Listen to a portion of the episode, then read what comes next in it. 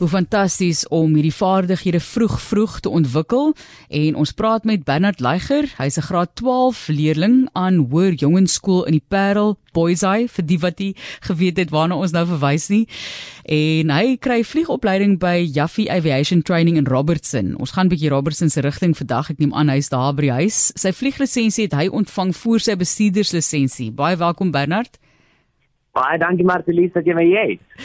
Dis lekker om met jou te gesels. En so watter graad is jy nou? Jy's graad 12 het hulle gesê, né? Nee?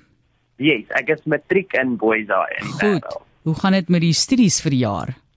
Nee, dit gaan baie goed. Ek het laasweek klaar gemaak met my Junie eksamen. Um en nou moet ek ja, nou het ek net twee opstelle wat ek volgende week moet gaan skryf en dan se ek op vakansie.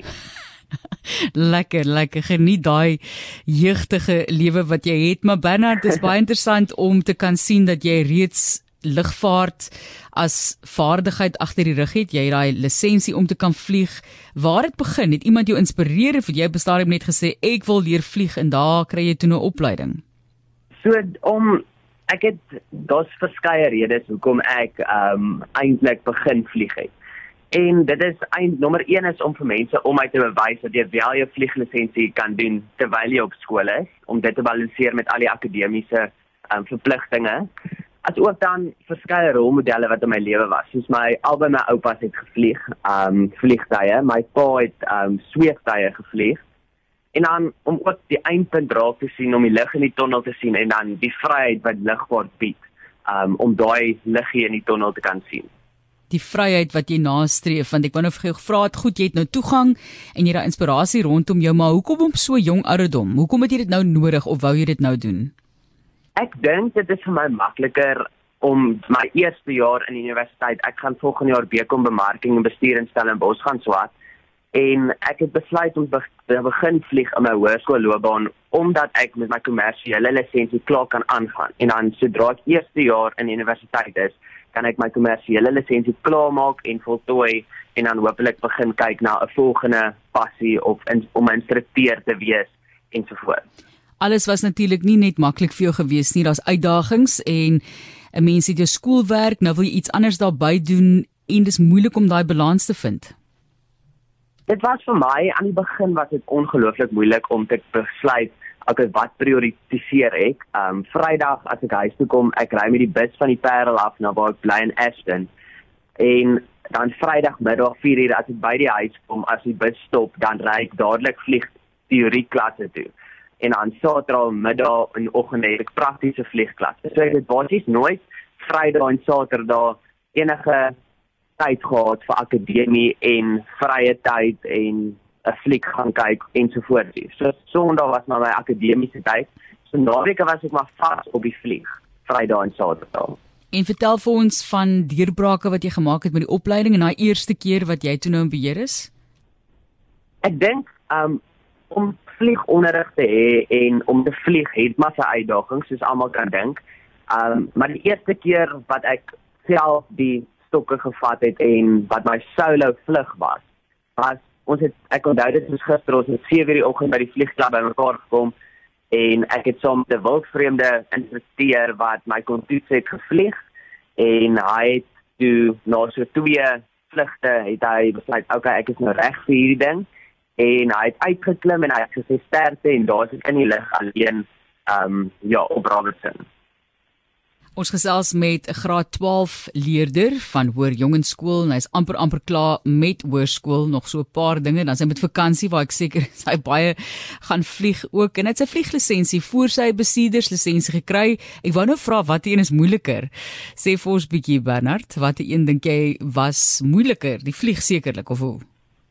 Ek dink as jy die passie het vir die vlieg, um, dan is gaan dit definitief maklik wees. Maar as jy daai passie nie het nie, as jy al geforseer word om dit te doen, um, dan gaan dit moeilik vir jou wees. Jy moet bietjie passie hê en lief wees vir die lugvaart om sodat dit maklik kan wees vir jou.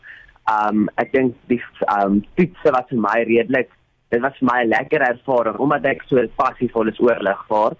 So dit was my 'n maklike en lekker ervaring om die toets te kry. Nou kyk, ek dink jy is volwasse vir jou ouderdom want jy fokus op dinge soos persoonlike groei en toekomstige wense.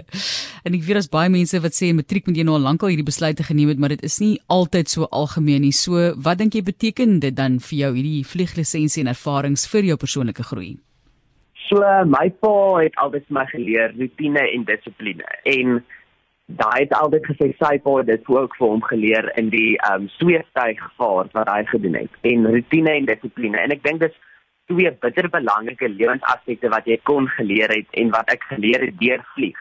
Ehm um, wat ook my bitter sal voor bitter baie sal voor bevoordeel in my volwasse lewe.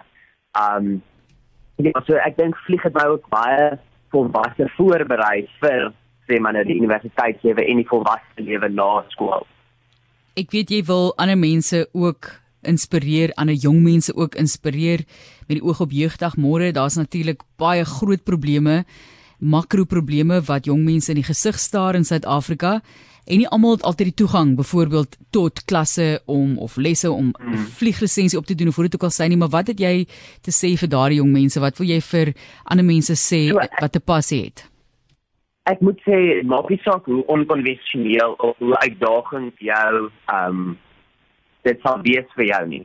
Ek glo dat ouderdom nooit 'n versperring behoort te wees tot jou drome nie en vir die bereiking van jou drome nie. So ek sou sê jaag jou drome na en moenie dat onsin of versperring jou keer om jou drome te bewaarheid nie. En wat lê vir jou voor? Gaan jy aanhou fokus op die vliegwêreld of wat gaan jy dalk na graads doen of na skool ja, so ek het, doen? Soos ek gesê het, ek gaan bekom bemarking bestuur volgende jaar by Stellenbosch in Stellenbosch gaan studeer en ek is klaar besig deur Exam Revolution wat 'n aanlyn grondskool uh, maatskappy is om my kommersiële vlieglisensie vakke te skryf. Um ek skryf nou oor so 'n maand weer 'n vak of my eerste kommersiële lisensie vak en dan kan ons van daar af gaan. Um ek hoop ook om volgende jaar aan sluit by Stellenbosch Flying Club om my vliegure te voltooi daar wat nodig is vir jou kommersiële lisensie. En ja, dan sal ons maar kyk waar die paadjie my lei daarna. Fantasties. Ek dink jy gaan in agvolk baie goeie bemarker wees eendag. Bernard, baie baie dankie vir die gesels. Wanneer gaan jy weer vlieg? Die weer lyk natuurlik gaan... fantasties nie. Ja, yes, ons het môre gekyk die weer is lyk my baie mooi môre ek hoop môreoggend gaan vinnig in die vliegtuig te spring vir 'n slag en ja, 'n lekker draaitjie te gaan vlieg. Ja, lieflik en is fantasties om te sien dat jong mense so hulle passies navolg, spesifiek dan Bernard Leiger en hy het 'n vlieglisensie gekry voor sy bestuurslisensie, graad 12 leerder van Hoër Jongenskool. Baie geluk en hy kry sy vliegopleiding daarby Jeffy Aviation Training in Robertson en is wonderlik om van hom op so 'n manier ook te hoor.